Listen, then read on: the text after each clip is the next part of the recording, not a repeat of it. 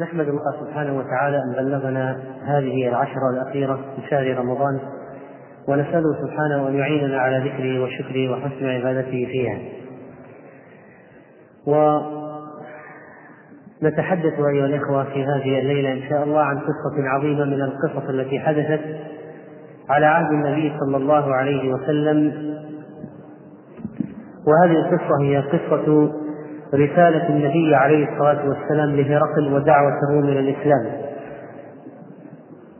روى البخاري رحمه الله تعالى في صحيحه عن عبد الله بن عباس أن أبا سفيان بن حرب أخبره أن هرقل أرسل إليه في رفد من قريش وكانوا تجارا بالشام في المدة التي كان رسول الله صلى الله عليه وسلم ماد فيها أبا سفيان وكفار قريش. هرقل جاءته رسالة النبي عليه الصلاة والسلام فأراد أناسا من من قوم النبي عليه الصلاة والسلام ليسأل عن حاله. فعثر على أبي سفيان وكان مشركا مع بعض من كفار قريش تجارا تجارا بالشام فأتي بهم إلى هرقل قال فأتوه وهم بإيلياء فدعاهم في مجلسه وحوله عظماء الروم. ثم دعاهم ودعا بترجمانه. فقال أيكم أقرب نسبا بهذا الرجل الذي يزعم أنه نبي؟ فقال أبو سفيان فقلت أنا أقربهم نسبا. فقال ادنوه مني وقربوا أصحابه فاجعلوهم عند ظهره. ثم قال لترجمانه قل لهم إني سائل هذا عن هذا الرجل فإن كذبني فكذبوه.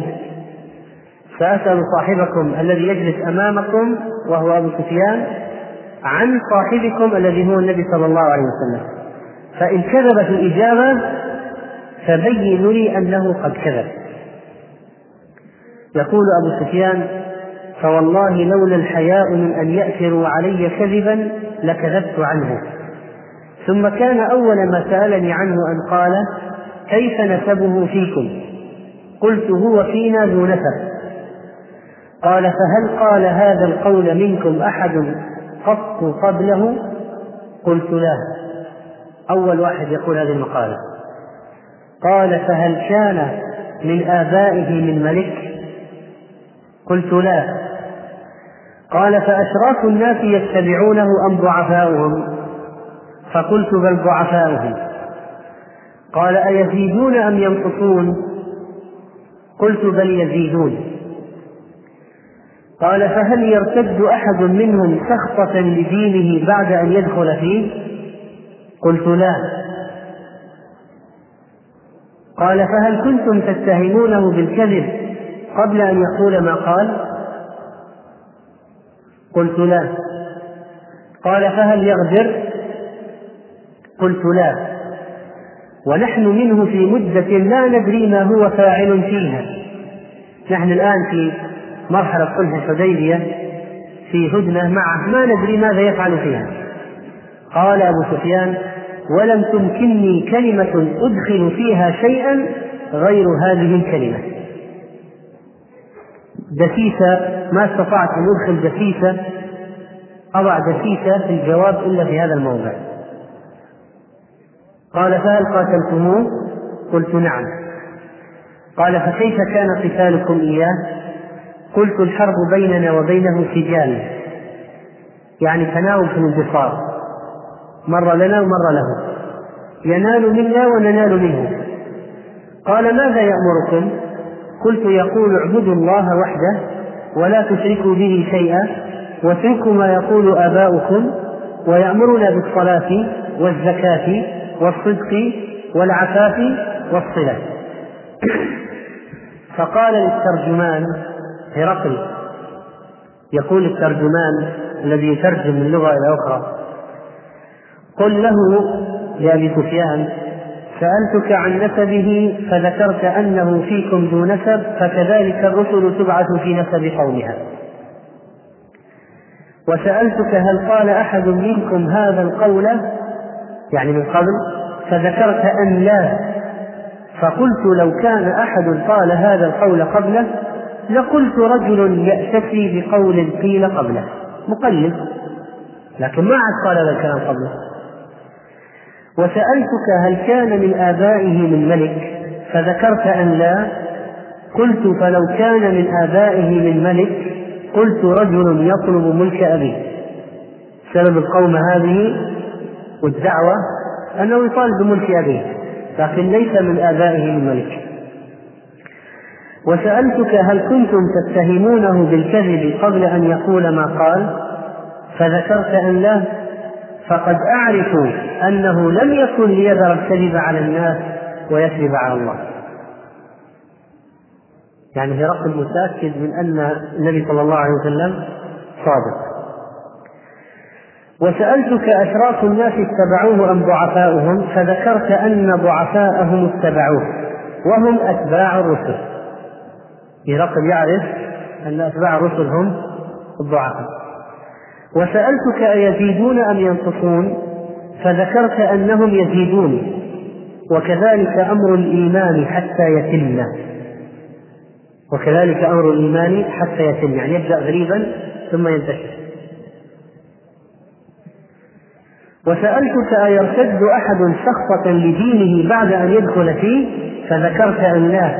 وكذلك الإيمان حين تخالط بشاشته القلوب. وسألتك هل يغدر؟ فذكرت أن لا. وكذلك الرسل لا تغدر. وسألتك بما يأمركم؟ فذكرت أنه يأمركم أن لا أن تعبدوا الله ولا تشركوا به شيئا. وينهاكم عن عبادة الأوثان. ويأمركم بالصلاة والصدق والعفاف فإن كان ما تقول حقا فسيملك موضع قدمي هاتين. وقد كنت أعلم أنه خارج. لم أكن أظن أنه منكم. فلو أني أعلم أني أخلص إليه لتجشمت لقاءه. ولو كنت عنده لغسلت عن قدمه ثم دعا بكتاب رسول الله صلى الله عليه وسلم الذي بعث به دحية إلى عظيم بصرى فدفعه إلى هرقل فقرأه فإذا فيه بسم الله الرحمن الرحيم من محمد عبد الله ورسوله إلى هرقل عظيم الروم. سلام على من اتبع الهدى. أما بعد فإني أدعوك بدعاية الإسلام يعني دعوة الإسلام شهادة لا إله إلا الله وأن محمد رسول الله. أسلم تسلم. يؤتك الله أجرك مرتين. فإن توليت فإن عليك إثم الأريسيين. وهم الفلاحون الذين كانوا من رعايا هرقل. ويا أهل الكتاب تعالوا إلى كلمة سواء بيننا وبينكم أن لا نعبد إلا الله ولا نشرك به شيئا ولا يتخذ بعضنا بعضا أربابا من دون الله فإن تولوا فقولوا اشهدوا بأننا مسلمون.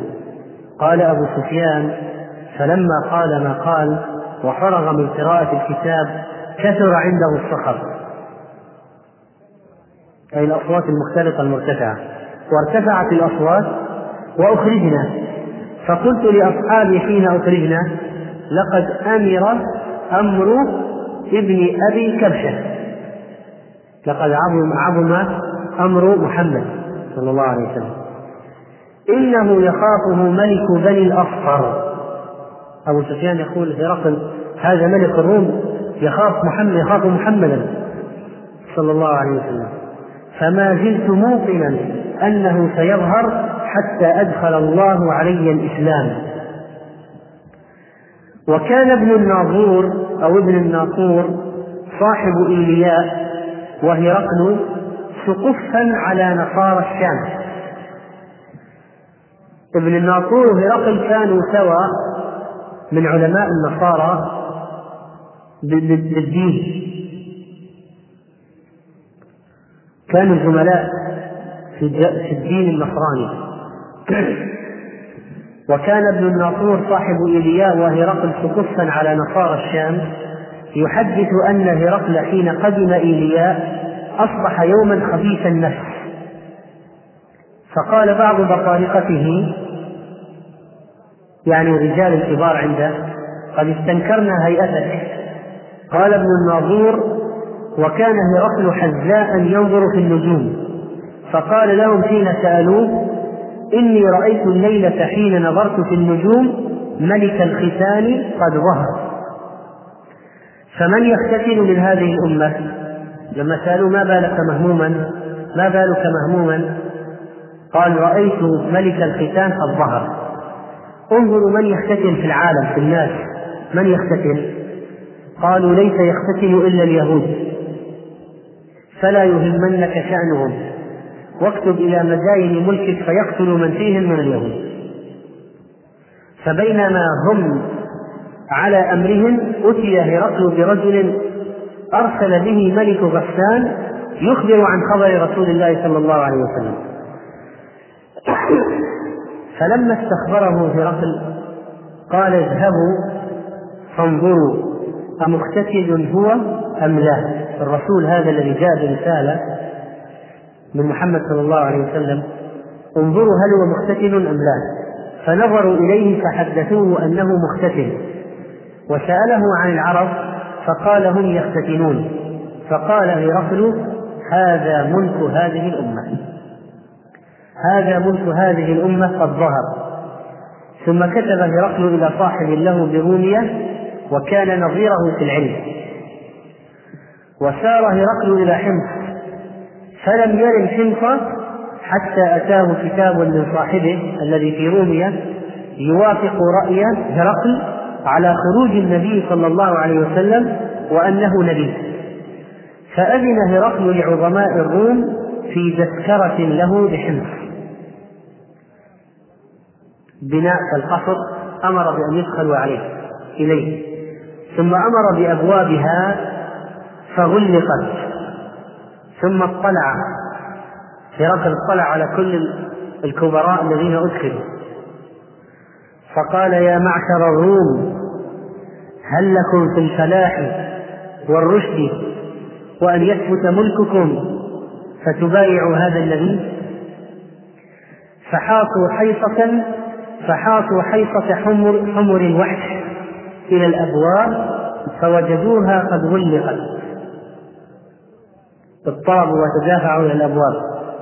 فلما رأى هرقل نفرتهم وأيس من الإيمان قال ردوهم علي وقال إني قلت مقالتي آنفا أختبر بها شدتكم على دينكم فقد رأيت فسجدوا له ورضوا عنه فكان ذلك آخر شأن هرقل. هذه القصة التي رواها البخاري رحمه الله تعالى في صحيحه كذلك رواه مسلم رحمه الله والحديث عند الترمذي وأبي داود وأحمد في سياقات مختلفة. وهناك رواية ساقها الإمام أحمد رحمه الله فيها مزيد من التوضيح لبعض الظروف التي حصلت في هذا الخطاب النبوي إلى إلى إلى هرقل يقول فيه سعيد بن أبي راشد مولى لآل معاوية قدمت الشام فقيل لي في هذه الكنيسة رسول قيصر إلى رسول الله صلى الله عليه وسلم. قال فدخلنا الكنيسة فإذا أنا بشيخ كبير فقلت له أنت رسول قيصر إلى رسول الله صلى الله عليه وسلم؟ قال نعم. قال قلت حدثني عن ذلك. قال إنه لما غزا تبوك كتب إلى قيصر كتابا وبعث به مع رجل يقال له دحية بن خليفة بكلبه. فلما قرأ كتابه لما قرأ هرقل كتاب النبي عليه الصلاة والسلام ورسالته وضعه معه على سريره. وضعه معه على سريره. وبعث إلى بطارقته إلى رجال الكنيسة ومفردها بالطريق ورؤوس أصحابه عظماء القوم قادة الجيوش أمراء الأمراء قادة الألوية فقال إن هذا الرجل قد بعث إليكم رسولا وكتب إليكم كتابا يخيركم إحدى ثلاث. إما أن تتبعوه على دينه أو تقروا له بخراج يجري له عليكم ويقركم على هيئتكم في بلادكم أو أن تلقوا إليه بالحرب. قال فنخروا نخرة النخير هو صوت صوت الأنف. والمراد الغضب والفوران المعبر عن النفور. فنخروا نخرة حتى خرج بعضهم من برانسهم والبرنس هو الثوب الذي ملتصق به غطاء الرأس مثل لباس المغاربة اليوم حتى خرج بعضهم من برانسهم وقالوا لا نتبعه على دينه وندع ديننا ودين آبائنا ولا نقر له بخراب يجري له علينا ولكن نلقي إليه الحرب. فقال قد كان ذاك ولكني كرهت أن أحتاس دونكم بأمر. قال عباس فقلت لابن حسين أوليس كان قارب وهم بالإسلام فيما بلغنا؟ يعني هرقل ما كاد أن يسلم قال بلى. لولا أنه رأى منهم. فقال ابغوني رجلا من العرب أكتب معه إليه جواب كتابه. التمسوا لي رسول أكتب معه جواب كتابه.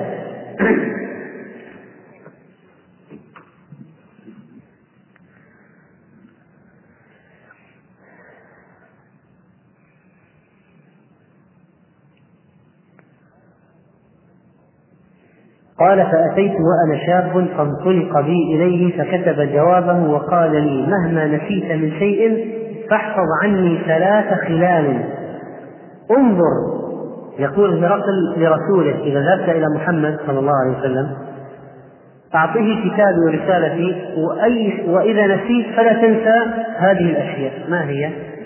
انظر إذا هو قرأ كتابي هل يذكر الليل والنهار؟ وهل يذكر كتابه إلي؟ وانظر هل ترى في ظهره علما؟ قال رسول هرقل فأقبلت حتى أتيته وهو بتبوك في حلقة من أصحابه محتدين فسألت فأخبرت به فدفعت إليه الكتاب. برسالة هرقل. فدعا معاوية وكان من الكتاب الوحي من يعرفون القراءة أسلم رضي الله عنه فقرأ عليه الكتاب فلما فلما أتى على قوله دعوتني إلى جنة عرضها السماوات والأرض فأين النار؟ هرقل يقول يسأل سؤال للنبي صلى الله عليه وسلم دعوتني إلى جنة عرضها السماوات والأرض فأين النار؟ قال رسول الله صلى الله عليه وسلم إذا جاء الليل فأين النهار؟ يعني هذا رد على الشبهة. يقول إذا جاء الليل فأين النهار؟ أين يذهب النهار؟ قال فقال إني قد كتبت إلى النجاشي فخرقه فخرقه الله مخرق الملك. قال عباس فقلت لابن حسين أليس قد أسلم النجاشي؟ ونعاه رسول الله صلى الله عليه وسلم بالمدينة إلى أصحابه فصلى عليه. قال بلى ذاك فلان بن فلان وهذا فلان بن فلان. قد ذكره ابن حسين جميعا ونسيتهما. يعني النجاشي هذا اسم ملك الحبشة. اللقب لقب. كل من ملك الحبشة يقال له نجاشي. كل من ملك الروم يقال له إيش؟ قيصر. كل من كل من ملك الفرس يقال له كسرى. كل من ملك اليمن يقال له تبع. كل من ملك مصر يقال له فرعون. كل من ملك الإسكندرية يقال له المقوقس. كل من ملك الترك يقال له ها خاقان. فكلمة ملك بالحبشية نجاشي بالمصرية فرعون بالإسكندرانية مقوقس بالتركية خاقان بالفارسية كسرى بالرومية قيصر. لكن القياصرة لهم أسماء مختلفة الفراعنة لهم أسماء مختلفة. النجاشي كذا واحد. فيقول له النجاشي الذي أرسلت إليه الرسالة غير النجاشي الذي أسلم. ملك آخر من ملوك الحبشة هذا المقصود. طيب قيصر قيصر ملك الروم الذي أرسلت إليه الرسالة ما اسمه؟ ما اسمه؟ اسمه هرقل الذي نحن بصدده. كسرى أنو شروان. الاسم له اسم. كسرى هذا لقب. معناها ملك. ملك الفرس. وكتبت إلى كسرى كتابا فمزقه فمزقه الله تمزيق الملك. وكتبت إلى قيصر كتابا فأجابني. فلم تزل الناس يخشون منهم بأسا. ما كان في العيش خير يعني يقول الحبشة لن تقوم لهم قائمة. ولن يوجد فيهم ملك قائم وسيمزقهم الله لأنهم مزقوا الرسالة. ويقول دولة فارس لن تقوم فيها مملكة لفارس ولن يحكمون ولن يحكموا ولن يدوم لهم حكم. والله سيخرج ملك فارس كما أنهم مزقوا الرسالة. لكن يقول هرقل ما مزق الرسالة. فسيبقى في الروم قوة. والناظر في الواقع يرى هذا جيدا. بعد فترة خلاص مملكة فارس ما ما عاد مزق الله فارس. ما عاد كلها ثورات الحروب. وكذلك الحبشه لم يعد لها شأن. صاروا ناس متخلفين. والروم. اللي هم أوروبا. لا زال لهم قوة إلى الآن. والحروب الصليبية لا زال لهم قوة إلى الآن. قال وكتبت إلى قيصر كتابا فأجابني فيه فلم تزل الناس يخشون منهم بأسا ما كان في العيش خير. ثم قال لي من أنت؟ قلت من تنوخ. الرسول هذا رسول هرقل تنوخي. قال يا أخا تنوخ هل لك في الإسلام؟ قلت لا. إني أقبلت من قبل قوم وأنا فيهم على دين ولست مستبدلا بدينهم حتى أرجع إليهم. قال فضحك رسول الله صلى الله عليه وسلم أو تبسم. فلما قضيت حاجتي قمت. فلما وليت دعاني. فقال يا أخا تنوخ هلم فامضي للذي أمرت به. صاحبك أمرك بثلاثة أشياء. وانت حصلت سنتين والثالثة ما ما أخذت خبرها. ما هي الثالثة؟ علامة الظهر. قال هلم فامض للذي أمرت به. قال وكنت قد نسيتها. فاستدرت من وراء الحلقة ويلقى بردة كانت عليه عن ظهره أو يلقيها عن ظهره فرأيت غضروف كتفه مثل المحجن الضخم. المحجن طبعا المشرط الذي يشق به موضع الحجامة. وكان النبي صلى الله عليه وسلم بين كتفه مجموعة عظام مثل هيئة بيضة الحمامة. خاتم النبوة مستدير بين كتفي النبي صلى الله عليه وسلم. كان جم يعني جميلا موقعه جميلا شكله وليس بعاهة ولا تشويه.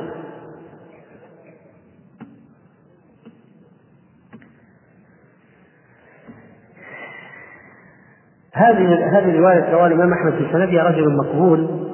و في قال فذكر نحو حديث عباد بن عباد وحديث عباد أتم وأحسن اختصاصا الحديث وزاد قال فضحك رسول الله صلى الله عليه وسلم حين دعاه إلى الإسلام فأبى أن يسلم وتلا هذه الآية إنك لا تهدي من أحببت ولكن الله يهدي من يشاء. ثم قال رسول الله صلى الله عليه وسلم إنك رسول قوم وإن لك حقا. يعني لولا أن نكرمك ضيفك ولكن جئتنا ونحن مرملون. يعني نفذ زادنا في تبوك.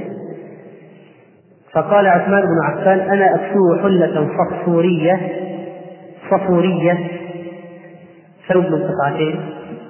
وقال رجل من الأنصار علي ضيافته. يعني أنا أتكفل بضيافة هذا الرسول. أورد الحافظ ابن كثير في تاريخه وعزاه الإمام أحمد ثم قال هذا حديث غريب وإسناده لا بأس به تفرد به الإمام أحمد رحمه الله. وأورده الهيثمي وقال رواه عبد الله بن أحمد وأبو يعلى ورجال أبي يعلى ثقات ورجال عبد الله بن أحمد كذلك. طيب. هناك قصة أخرى تبين أشياء أخرى من التفاصيل. رواها الحاكم في المستدرك وذكر ابن كثير رحمه الله في تفسيره تحت قوله تعالى الذين يتبعون الرسول النبي الأمي الذي يجدونه مكتوبا عندهم في التوراة والإنجيل يأمرهم بالمعروف وينهاهم عن المنكر الآية. يقول عن هشام بن العاص الأموي قال بعثت أنا ورجل آخر إلى هرقل صاحب الروم ندعوه إلى الإسلام. فخرجنا حتى قدمنا الغوطة يعني غوطة دمشق. فنزلنا على جبلة بن الأيهم الغساني الغساسنة عرب أم لا؟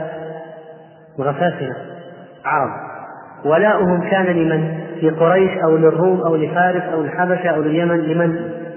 للروم الغساسنة وكان الروم قد وضعوا آه، الغساسنة على حدود الجزيرة بينه وبين العرب حتى لا يدخل العرب بغاراتهم في بلاد الروم والغساسنة يكفون الروم العرب.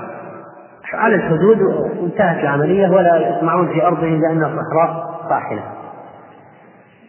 يقول قدمنا الغوطة يعني غوطة دمشق فنزلنا على جبلة بن الأيهم الغساني فدخلنا عليه فإذا هو على سرير له فأرسل إلينا برسوله نكلمه فقلنا والله لا نكلم رسولا وإنما بعثنا إلى الملك فإن أذن لنا كلمنا. وإلا لم نكلم الرسول فرجع إليه الرسول فأخبره بذلك. قال فأذن لنا. من هو الذي أذن؟ من هو الذي أذن؟ ها جبل بن الأيهم ملك غسان. فقال تكلموا فكلمه هشام بن العاص ودعاه إلى الإسلام. فإذا عليه ثياب سود فقال له هشام وما هذه التي عليك؟ قال لبستها وحلفت أن لا أنزعها حتى أخرجكم من الشام. قلنا ومجلسك هذا والله لنأخذنه منك ولنأخذن ملك ملك الملك الأعظم. يقول هذا المسلم الغساني سنأخذ ملكك وملك الملك الأعظم الذي هو قيصر. إن شاء الله. أخبرنا بذلك نبينا محمد صلى الله عليه وسلم. قال لستم بهم بل هم قوم يصومون بالنهار ويقومون بالليل. فكيف صومكم؟ فأخبرناه فملئ وجهه سوادا فقال قوموا وبعث معنا رسولا إلى الملك. فخرجنا حتى إذا كنا قريبا من المدينة. قال لنا الذي معنا إن دوابكم هذه لا تدخل مدينة الملك. فإن شئتم حملناكم على براغين وبغال. قلنا والله لا ندخل إلا عليها. فأرسلوا إلى الملك أنهم يأبون ذلك فأمرهم أن ندخل على رواحلنا فدخلنا عليها متقلدين سيوفنا حتى انتهينا إلى غرفة له فأنخنا في أصلها وهو ينظر إلينا. فقلنا لا إله إلا الله والله أكبر فالله يعلم لقد انتفضت الغرفة حتى صارت كأنها عرق تفطقه الرياح.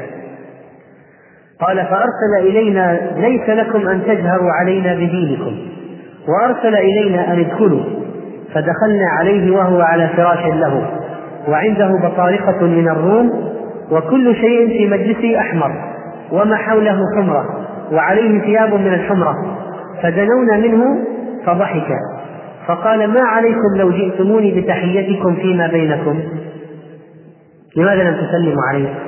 وإذا عنده رجل فصيح بالعربية كثير الكلام. فقلنا إن تحيتنا فيما بيننا لا تحل لك وتحيتك التي تحيى بها لا يحل لنا أن نحييك بها. قال كيف تحيتكم فيما بينكم؟ قلنا السلام عليك. قال فكيف تحيون ملككم؟ قلنا بها. قال كيف يرد عليكم؟ قلنا بها. يعني وعليكم السلام. قال فما أعظم كلامكم؟ فما أعظم كلامكم؟ قلنا لا إله إلا الله والله أكبر. فلما تكلمنا بها والله يعلم لقد انتفضت الغرفة حتى رفع رأسه إليها. قال فهذه الكلمة التي قلتموها حيث انتفضت الغرفة أكلما قلتموها في بيوتكم انتفضت عليكم غرفكم؟ قلنا لا ما رأيناها فعلت هذا قط إلا عندك.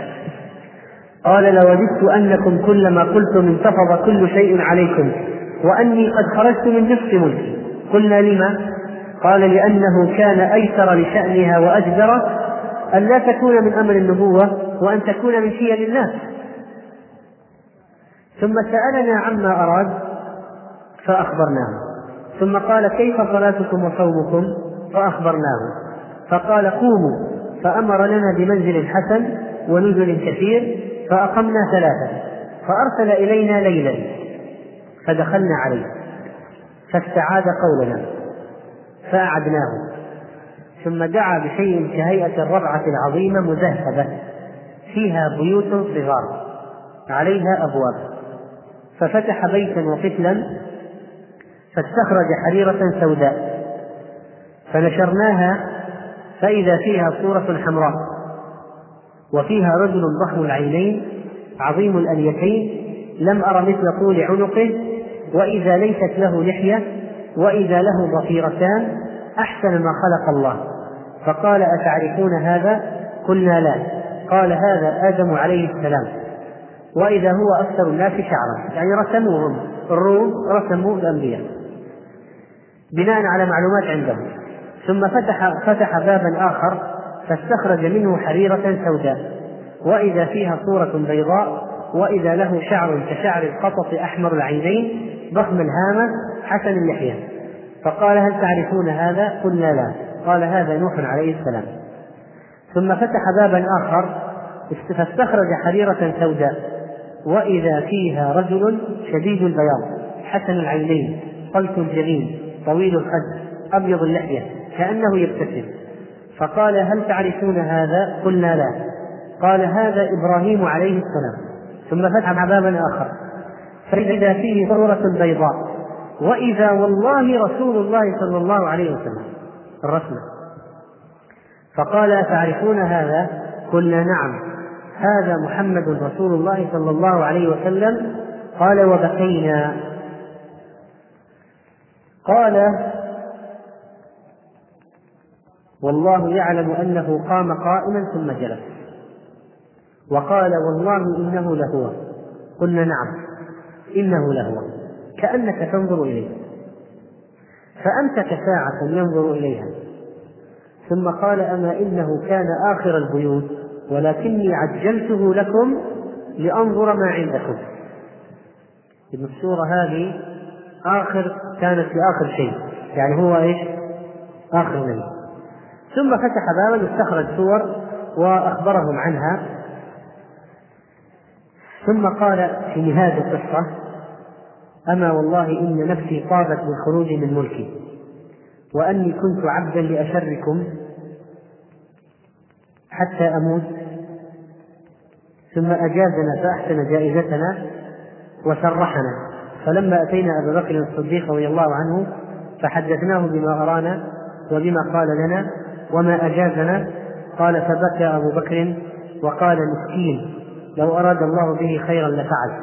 نعم ثم قال أخبرنا رسول الله صلى الله عليه وسلم أنهم يعني النصارى واليهود يجدون نعت محمد صلى الله عليه وسلم عندهم.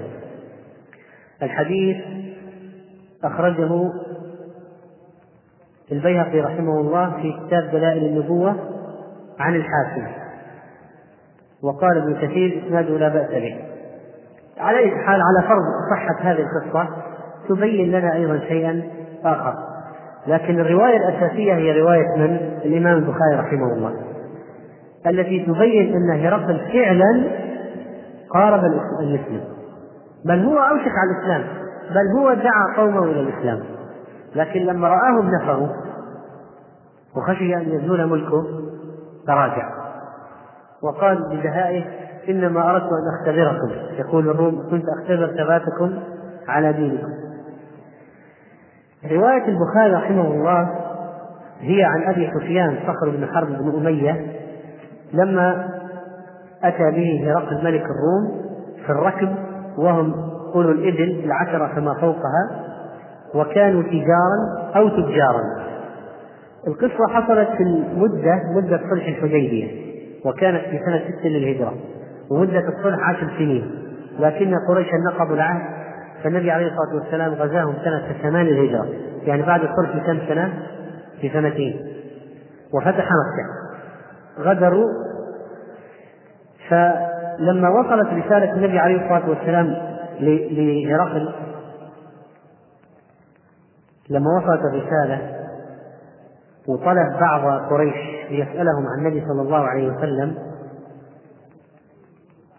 وجدهم رسوله لبعض الشام في غزة. يقول أبو سفيان كنا قوما تجارا وكانت الحرب قد حصبتنا. هذا يدل على أن الحرب أثرت على قريش اقتصاديا. فلما كانت الهدنة يعني الحديبية خرجت تاجرا إلى الشام مع رفض من قريش فوالله ما علمت بمكة امرأة ولا رجل ما علمت بمكة امرأة ولا رجلا إلا وقد حملني بضاعة. فقال هرقل لصاحب شرطته قلد الشام ظهرا لبطن حتى تأتيني برجل من قوم هذا أسأله عن شأنه. يقول أبو سفيان فوالله إني وأصحابي بغزة إذ هجم علينا فساقنا جميعا. وإيلياء هي بيت المقدس ومعناها قيل معناها بيت الله. وإيلياء هي التي سار إليها هرقل لما كشف الله عنه جنود فارس. كان مكان ملك هرقل في حمص سار من حمص إلى إيلياء إلى بيت المقدس مشيا. شكرا لله تعالى. وكان سبب ذلك ما جاء من طرق متعاضدة كما قال ابن حجر رحمه الله ملخصها أن كسرى أغزى جيشه بلاد هرقل. فخربوا كثيرا من بلاده. كانت النصر النصر في البداية لمن؟ للفرس على الروم ثم استبطأ كسرى أميره فأراد قتله وتولية غيره. فاطلع أميره على ذلك فباطن هرقل واصطلح معه على كسرى وانهزم عنه بجنود فارس. فكان سبب عودة عودة الكفة في الرجحان للروم انشقاق حصل في الفرس. لما حصل ذلك مشى هرقل إلى بيت المقدس شكرا لله تعالى على ذلك. المهم ادخل أبو سفيان ومن معه على من؟ على هرقل. قال فأدخلنا عليه فإذا هو جالس في مجلس ملكه وعليه التاج وعنده بطارقته والقسيسون والرهبان والروم. والرهبان.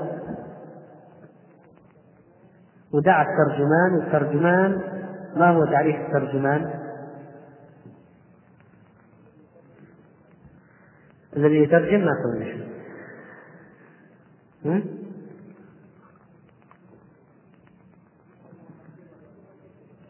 المعبر عن لغة بلغة.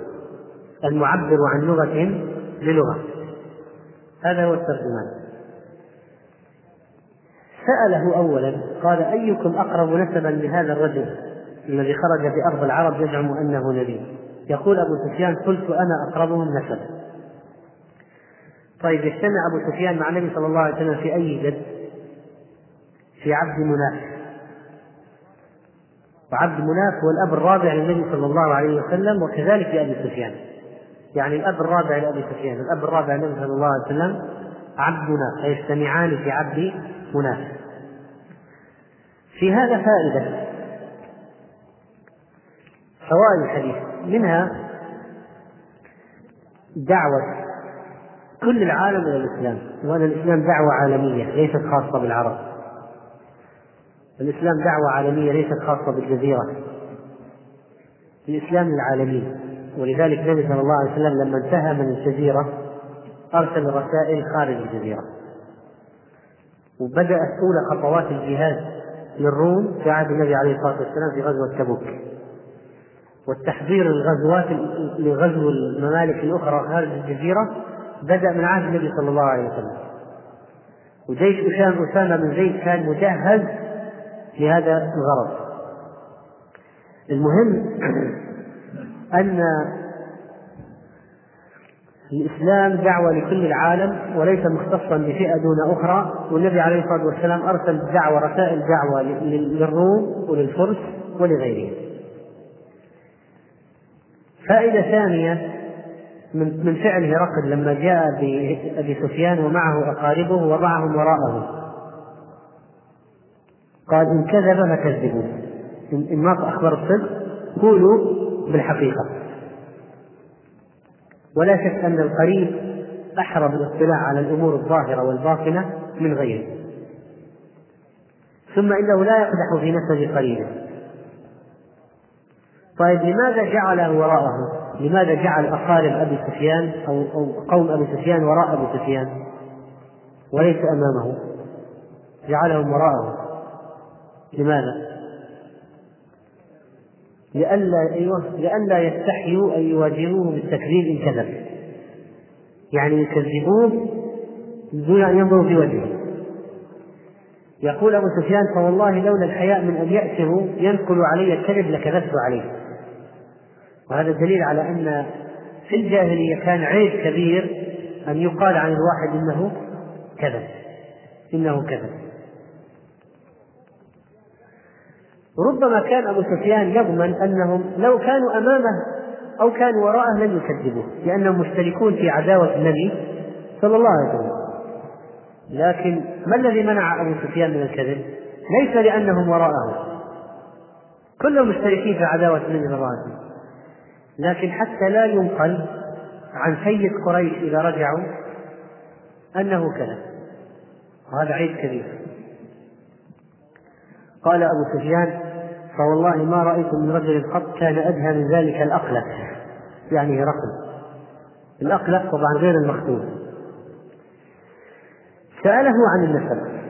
وهذا يدل على أن هرقل يعلم بأن الأنبياء تبعث في أنساب قومها.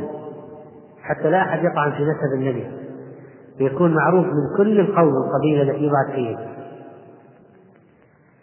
كذلك في الحديث أن الإنسان إذا آمن لا يرتد عن دينه ساخط على الدين وإنما يرتد لأسباب أخرى. هذا في الإسلام. في غير الإسلام يرتد عن الدين سخط في الدين. يعني ممكن واحد يكون نصراني يخرج من النصرانية ساخط عن النصرانية. واحد يهودي يخرج يهودية ساخط عن اليهودية لأن ما فيها باطل. لكن ما في واحد مسلم يدخل الإسلام ويعرف الإسلام تماما ويفقه الإسلام ثم يخرج من الإسلام لأنه في أخطاء في الإسلام أو في نقاط ضعف في الإسلام. ما يمكن. لكن ممكن يخرج من الإسلام لأمور دنيوية. ولذلك قال هرقل قال هل في أحد من المسلمين ارتد عن دينه سخط سخطة لدينه؟ يعني ساخط على دينه؟ ما في. إذا قال أبو سفيان لا. لكن ارتد إما لأنه حديث عهد بالإسلام لم يبقى الإسلام إما لأنه لا يريد دفع الزكاة إما لأنه آه، أغري بمال. الآن عبيد الله بن جحش الذي ارتد في الحبشة كان من مهاجرين الحبشة وارتد في الحبشة عبيد الله بن جحش. ارتد لحظ نفسه وليس لأجل ضعف في الدين الإسلامي. وهذه نقطة مهمة. ما في أحد يدخل في الدين والحمد لله ويفقه الدين جيدا ثم يترك الدين ساقطا على الدين. ماشي. هذا ممكن يقع في أديان أخرى. أما في الإسلام لا يقع. لكن ممكن يعني لهوى مال أغروه بمنصب مثلا يمكن. كذلك نقطة مهمة. هرقل لما أبو سفيان قال لكن نحن الآن في مدة ما ندري ماذا يصنع فيها محمد صلى الله عليه وسلم. ودخل أدخل هذه الدسيسة يقول أبو سفيان فوالله ما التفت إليها مني. هرقل عاقل. عاقل وذكي أخذ إجابات أبي سفيان بالنص. والدسيسة التي أدخلها أبو سفيان في الكلام قال يعني لا يغدر لكن الآن نحن في هدنة ما ندري ماذا يصنع فيها هذه الدسيسة الوحيدة التي استطاع أن يدخلها ومع ذلك هرقل ما التفت إليها كذلك في هذا الحديث أن أتباع الرسل أكثر ما يكونون من أين؟ الفقراء، لماذا؟ لأن العظماء والأغنياء يصرفهم غناهم وعظمتهم عن الحق لأن الإسلام سيزيل شيئا من مزاياهم أو من ميزاتهم فالآن هرقل لو لو دخل في الدين هرقل لو دخل في الإسلام ماذا سيصبح؟ مسلم عادي يعني ملكه سيزول صح ولا لا؟ سيتنازل عن ملكه أبو جهل مثلا لو أسلم معناها سيقلد النبي عليه الصلاة والسلام زمام الأمور. ما الذي منع عبد الله بن أبي من الإسلام؟ وصار منافق. كانوا يريدون أن يتوجوه ملك على المدينة. فلما جاء الإسلام شرق به وغص به. ما هضم القضية؟ لماذا؟ لأن المنصب الذي كان سيعين فيه حرم منه بسبب دخول الدين الجديد إلى المدينة. إذا من أسباب صد كثير من العظماء والأغنياء عن الدين وعن الحق هو الغنى والجاه. لذلك النبي صلى الله عليه وسلم ماذا قال؟ ما ذئبان جائعان. أرسل في غنم. بأفسد لها من حرص المرء على المال والشرف من دينه. يعني المال والجاه يفسدان دين الإنسان أكثر من إفساد الذئب الجائع للغنم. وهذه مسألة مهمة. كذلك في هذا الحديث أن الإيمان إذا خالطت بشاشته القلوب فإن صاحبه لا ينحرف. ولذلك كثير من المنتكسين ما خالطت بشاشة بشاشة الإيمان قلوبهم أو أنها لم تلازمهم هذه البشاشة وتبقى معهم ولذلك انتكس كذلك في هذا الحديث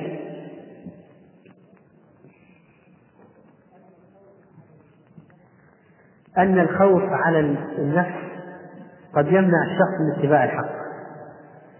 هرقل يقول والله إني لا أعلم أنه نبي مرسل ولكني أخاف الروم على نفسي. ولولا ذلك لاتبعته.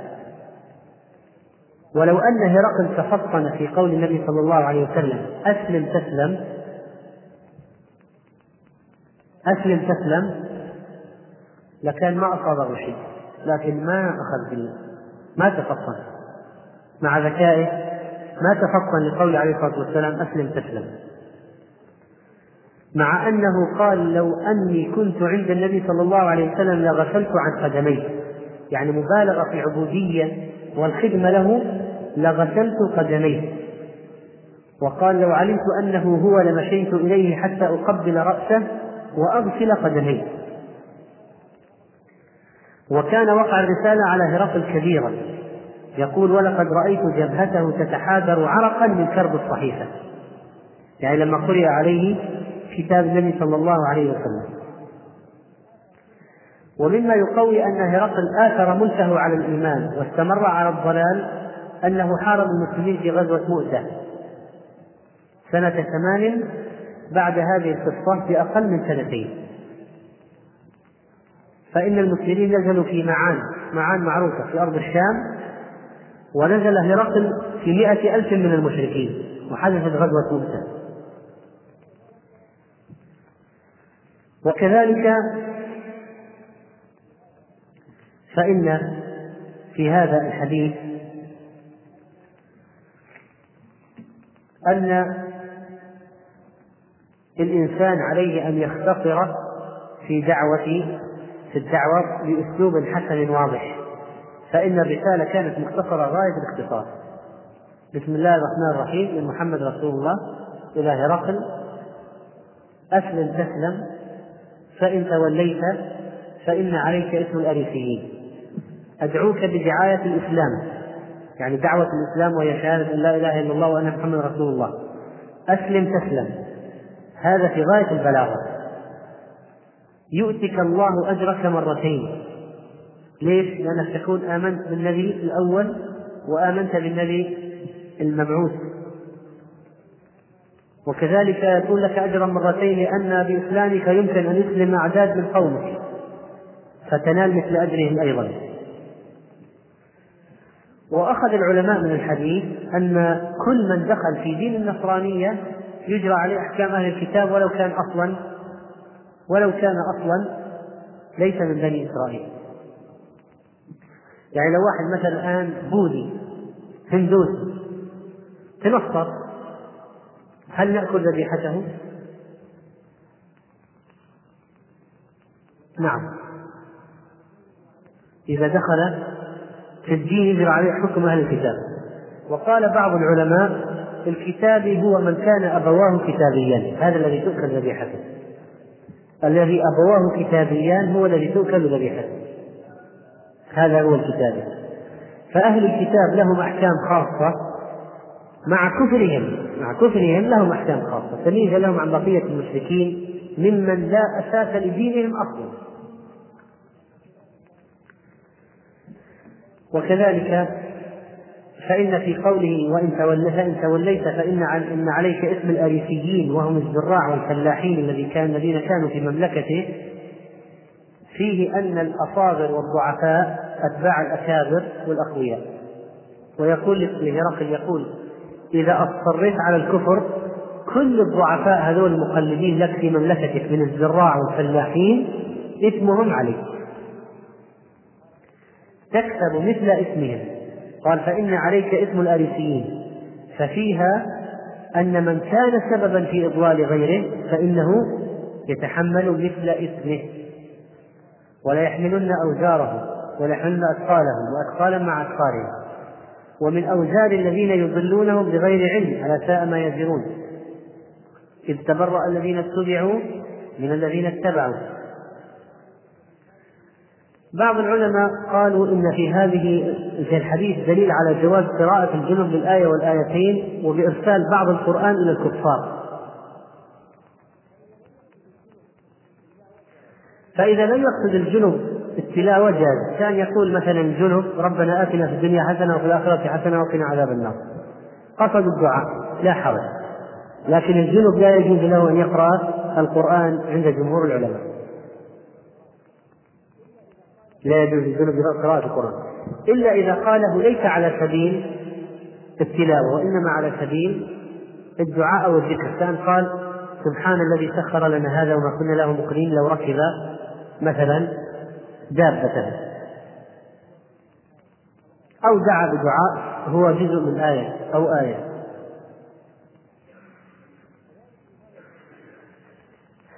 كذلك في هذا الحديث أن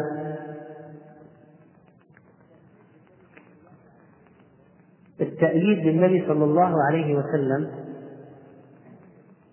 حصل بعدة أشياء حتى من جهة الجن وحتى من جهة الكهان وحتى من جهة المنجمين.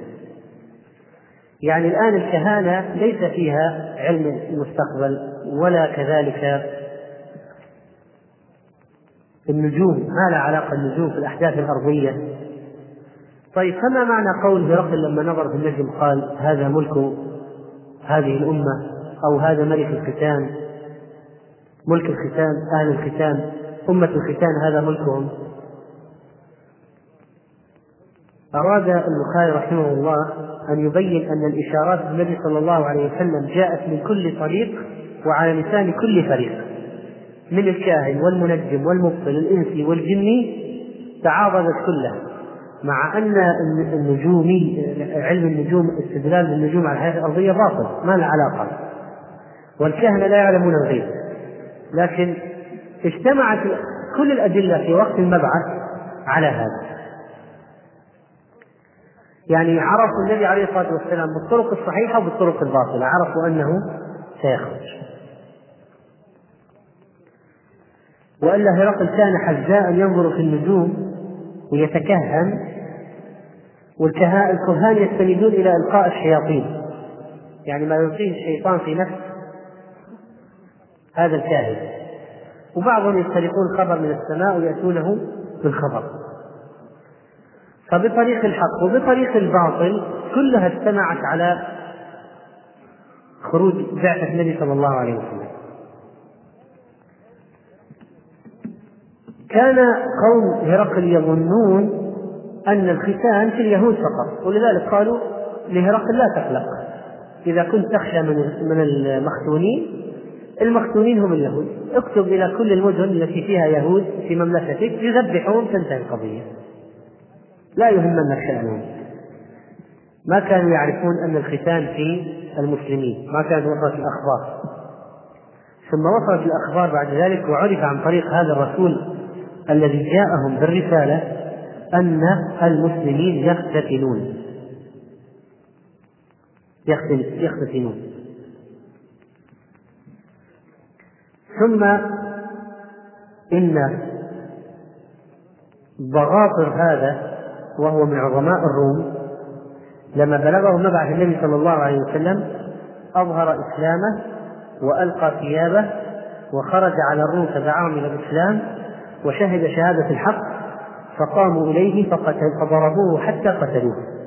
ولذلك هرقل خاف أن يلقى نفس المصير فلم يسلم ثم ركب رأسه بعد ذلك وحارب المسلمين في أي موقعة؟ في مؤتة. فحصل أن إذا بعض عظماء الروم قد أسلموا فعلا.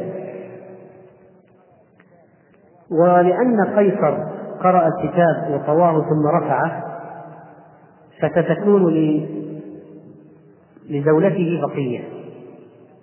وأما كسرى لأنه مزق الخطاب النبي صلى الله عليه وسلم دعا لأن يمزق ملكه فلن تكون لهم بقية.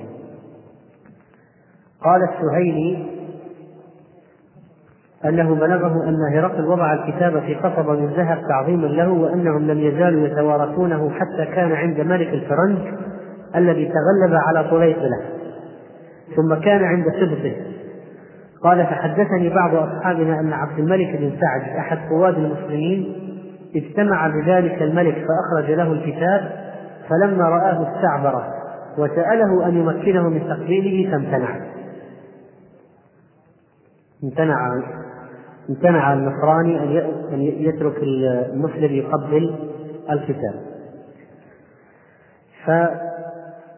فيقال إن الرسالة يعني رسالة النبي صلى الله عليه وسلم إلى هرقل بقيت عندهم بقيت عندهم. و القصة تبين حلقة من حلقات الدعوة التي كانت موجودة عند النبي صلى الله عليه وسلم وكيف أنه نفذ قول الله تعالى وأمر الله تعالى بدعوة العالمين وما أرسلناك إلا رحمة للعالمين. وفيها فوائد كثيرة وذكر بعض الحافظ بن حجر رحمه الله في الفتح فنكتفي بهذا القدر ونسأل الله سبحانه وتعالى أن يجعلنا من المنقادين إلى الحق الحريصين على اتباعه. والله أعلم. يقول تقول السائلة هل الكشف على الرحم يضر بالصيام؟ الجواب لا. ليس الكشف. كشف الطبيبة لا يضر بالصيام خلع المرأة للجلباب عند النساء. إذا كانت تأمن من نظر الرجال فلا بأس وإذا كانت لا تأمن فلا يجوز. وفي خلعه وعيد شديد. يحمل على من خلعته وهي لا تأمن من نظر الرجال.